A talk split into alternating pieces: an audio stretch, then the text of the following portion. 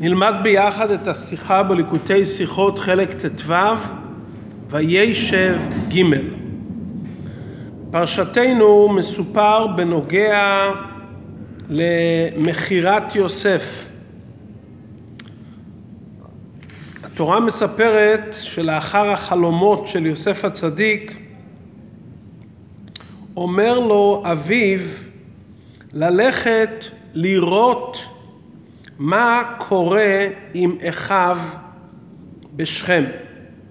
האחים הלכו לראות את הצאן של יעקב בשכם, כלשון התורה, וילכו אחיו לראות את צאן אביהם בשכם. ויאמר ישראל אל יוסף, הלא אחיך רואים בשכם, לך ואשלחך עליהם. ויאמר לו, הנני. ויאמר לו, לך נא ראה את שלום אחיך ואת שלום הצאן, והשיבני דבר. וישלחהו מעמק חברון, ויבוא שכמה. ואז וימצאהו איש והנה טועה בשדה, וישאלהו האיש לאמור מה תבקש? יוסף אומר לו את החי אנוכי מבקש. אומר לו האיש הם נסעו מכאן, כי שמעתי אומרים נלכה דותיינה. וילך יוסף אחר אחיו וימצאם בדותן. ואז האחים רואים אותו מרחוק והם כבר חורשים ויתנכלו אותו לעמיתו וכולי. בסיפור המשך הדברים של מכירת יוסף. על המילים ויבוא שכמה אומר רש"י מקום מוכן לפורענות שם קלקלו השבטים שם עינו את דינה שם נחלקה מלכות בדוד שנאמר וילך רחבם שכמה. כלומר שכם זה היה מקום שהוא מוכן לפורענות. רש"י שמבאר משהו סימן שהיה לו איזה קושי. איזה קושי יש בפשוטו של מקרא שרש"י צריך להגיע להסבר ששכם זה מקום של פורענות.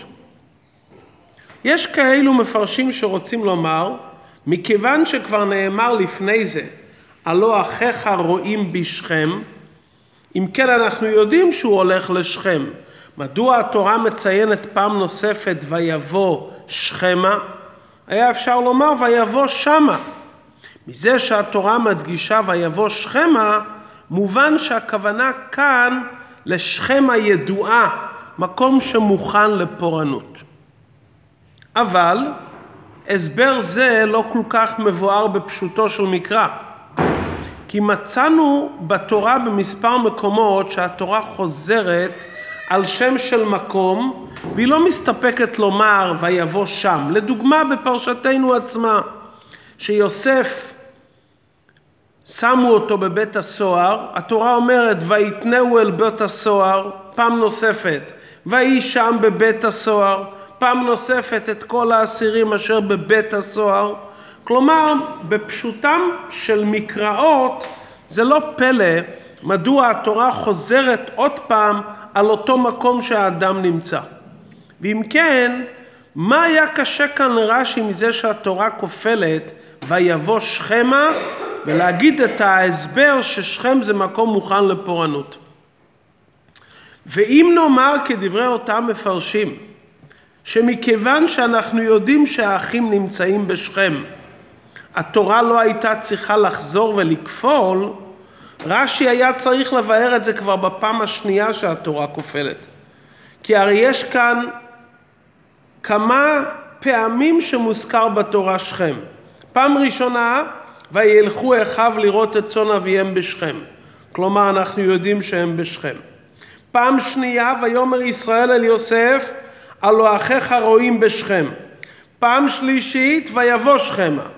אם רש"י רוצה לומר שיש כאן כפל פעמים, שהתורה חוזרת פעם אחר פעם, שכם, למרות שאנחנו יודעים כבר בפעם הראשונה שהם בשכם, בפעם השנייה בפסוק י"ג, שנאמר הלא אחיך רואים בשכם, כאן רש"י היה צריך לומר למה התורה כפלה? מכיוון ששכם זה מקום מוכן לפורענות. רש"י מחכה לפסוק השלישי, שנאמר ויבוא שכמה, ואז בפעם השלישית שמוזכר שכם, ויבוא שכמה, כאן רש"י אומר את ההסבר שזה מקום מוכן לפורענות. דבר נוסף, אם רש"י רוצה לדייק את הכל מהמילים שכם שמובא פעם שלישית, בדיבור המתחיל רש"י היה צריך לומר שכמה בלבד, ולא ויבוא שכמה. מזה שרש"י מצטט ויבוא שכמה, כלומר הדיוק כאן במילים ויבוא שכמה. כדי להבין את זה, נקדים, הרי בפסוקים נאמר שיוסף טעה בשדה. הוא אמר לאיש, את החי אני מבקש. אומר לו האיש, נסו מזה. כלומר, יש כאן הכרח שאם יעקב אמר לו ללכת לשכם, הוא הגיע לשכם. כי זה היה המקום שהאחים היו.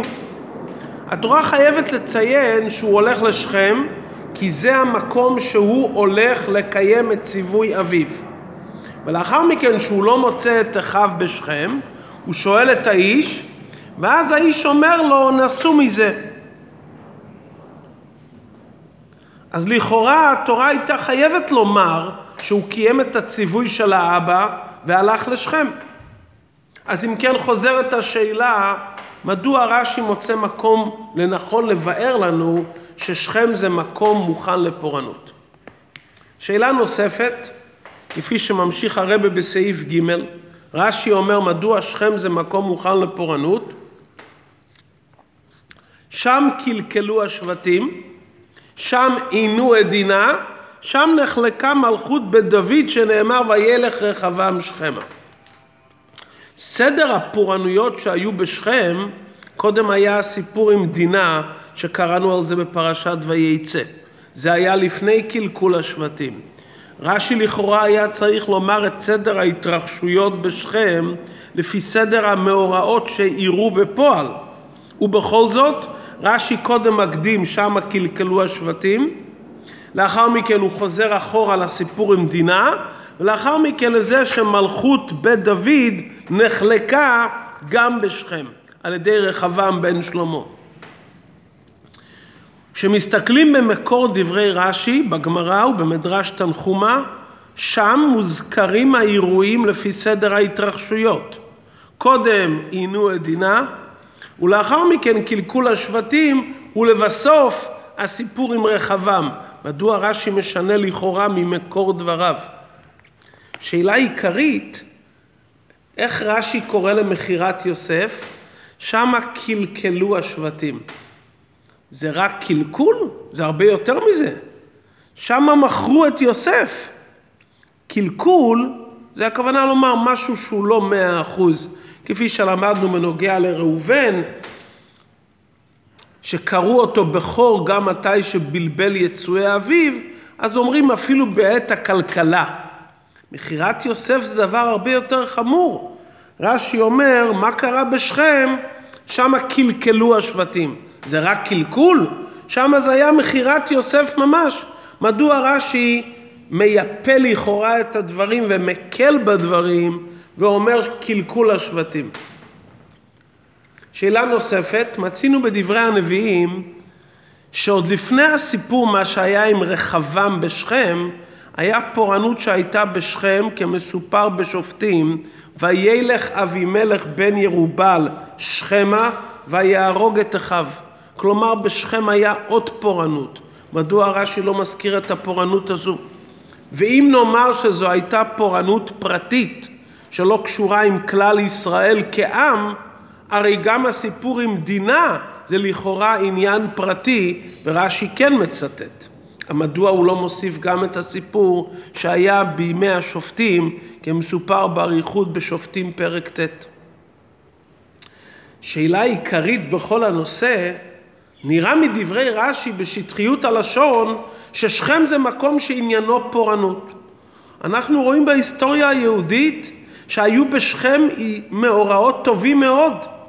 רש"י כבר לימד אותנו בפרשת לך לך, שבשכם עם ישראל קיבלו את התורה בשבועה, כפי שמסופר בספר יהושע, שיהושע כרת בשכם ברית עם עם ישראל על קיום התורה והמצוות, אירוע מאוד חיובי. בפרשת לך לך למדנו שאברהם אבינו קיבל את הבשורה מהקדוש ברוך הוא, שיהיה לו ילדים, בשורת הזרע, והבשורה שהוא יקבל את ארץ ישראל, איפה הוא קיבל את הבשורה הזו? בשכם. אז אם כן אנחנו רואים ששכם זה גם מקום חיובי. אז מדוע רש"י מכריח בפשוטו של מקרא ששכם זה מקום מוכן דווקא לפורענות?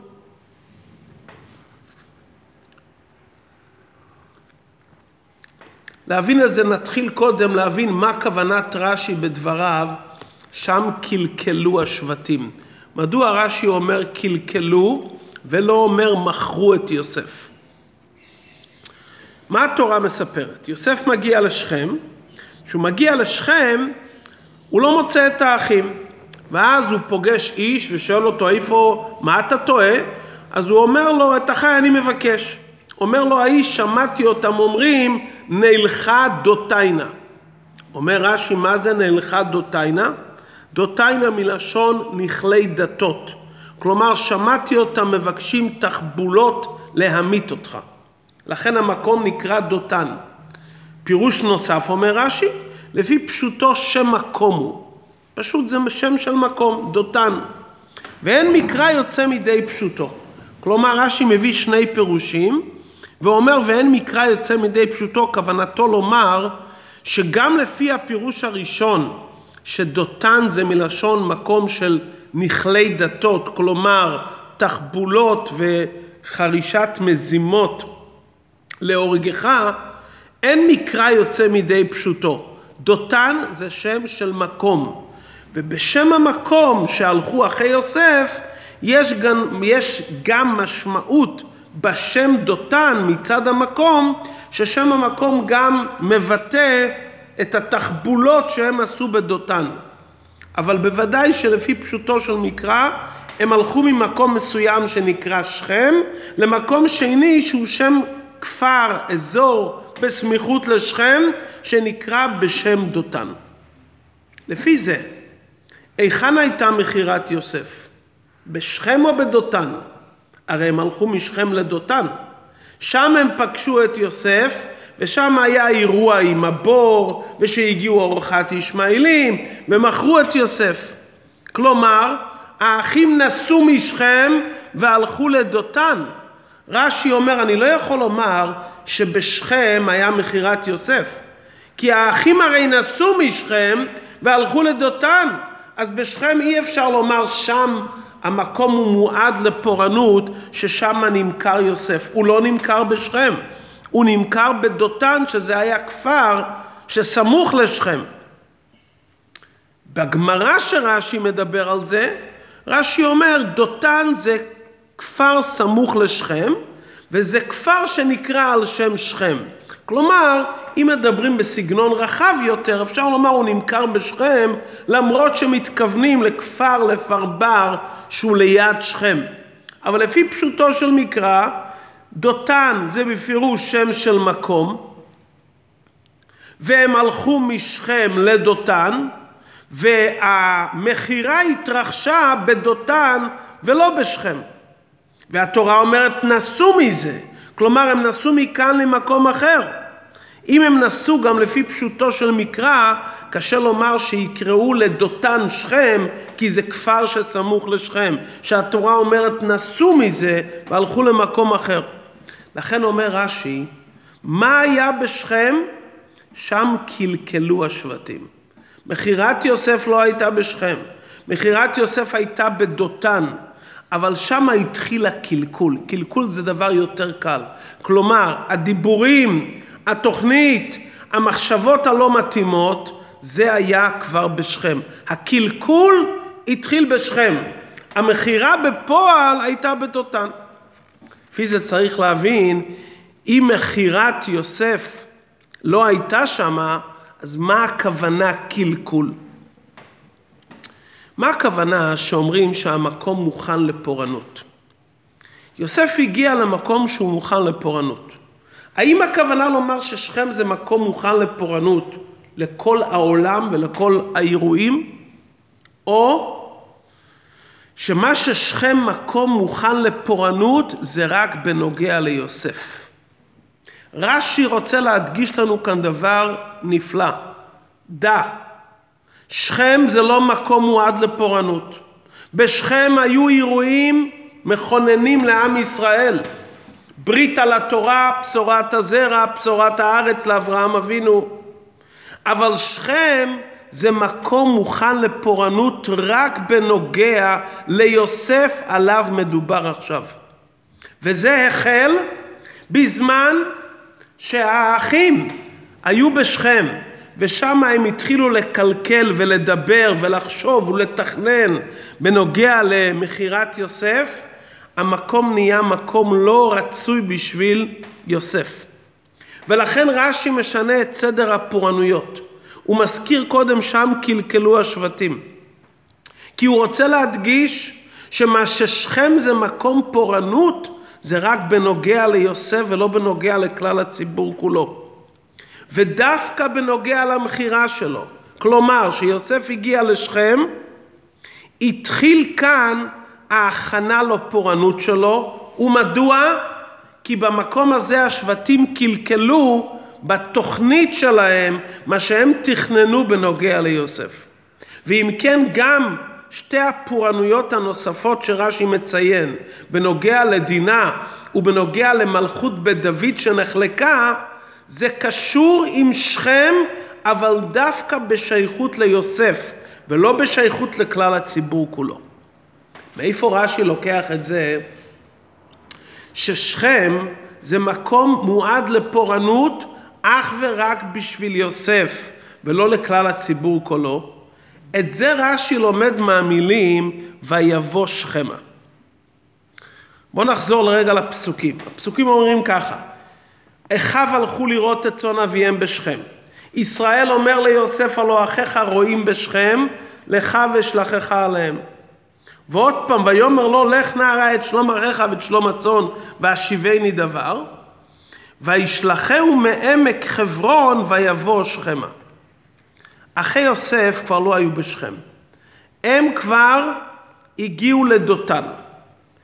אם ביאתו של יוסף לשכם זה היה רק בדרך מעבר לאחיו בדותן, התורה הייתה צריכה לחבר את הפסוקים ולומר כך: וישלחהו מעמק חברון וימצאהו איש בשכם והנה טועה בשדה. ואז היינו רואים את כל האירוע. הוא הלך לשכם כי אבא שלח אותו לשכם.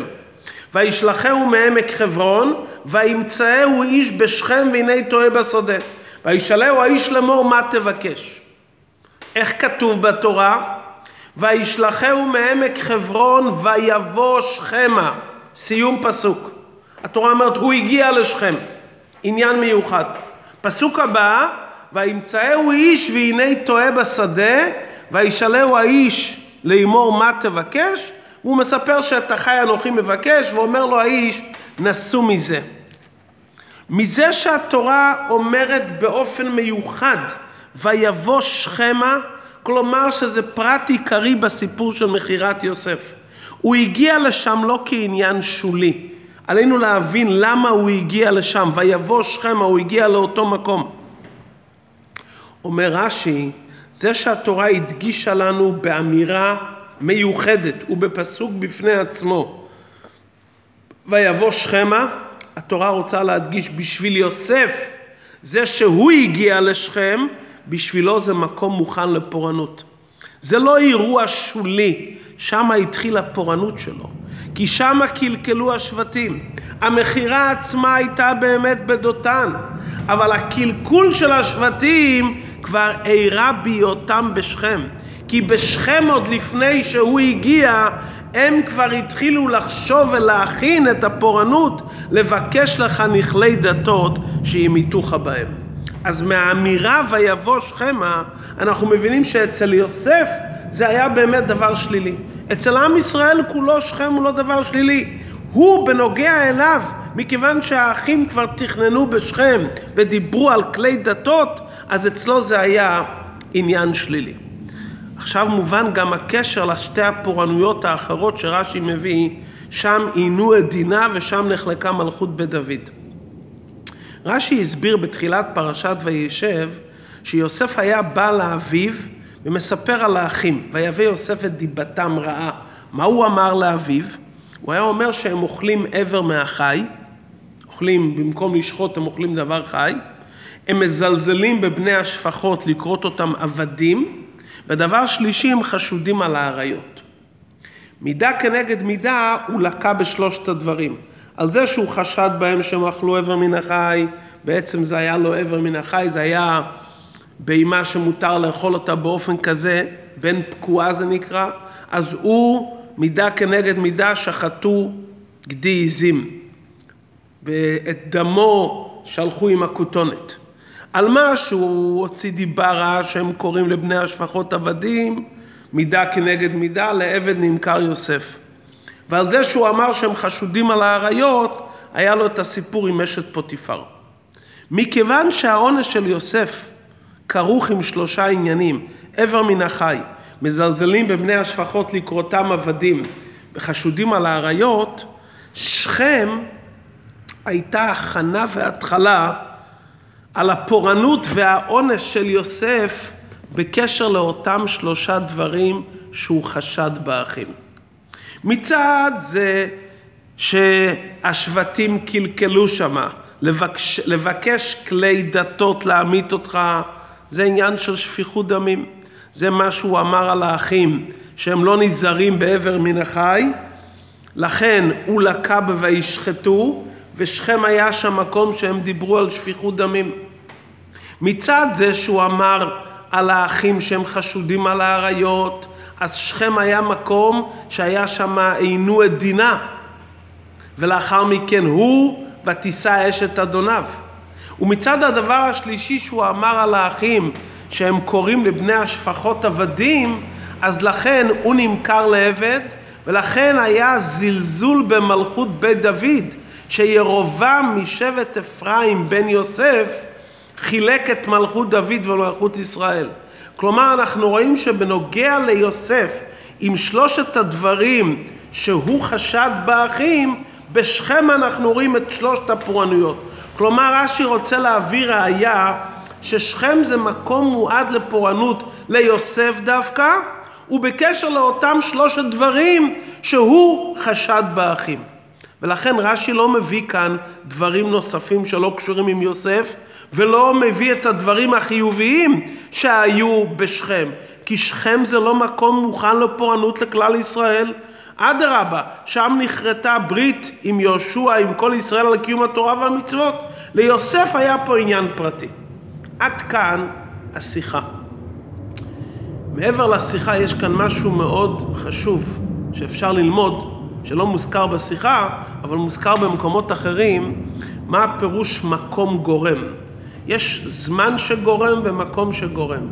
אצל יוסף הצדיק המקום הזה של שכם, בעקבות מה שהאחים דיברו ותכננו, זה כבר גרם עניין בלתי רצוי.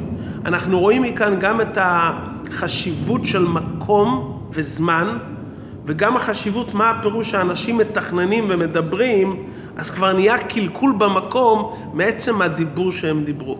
ומרובה מידה טובה ממידת פורענות.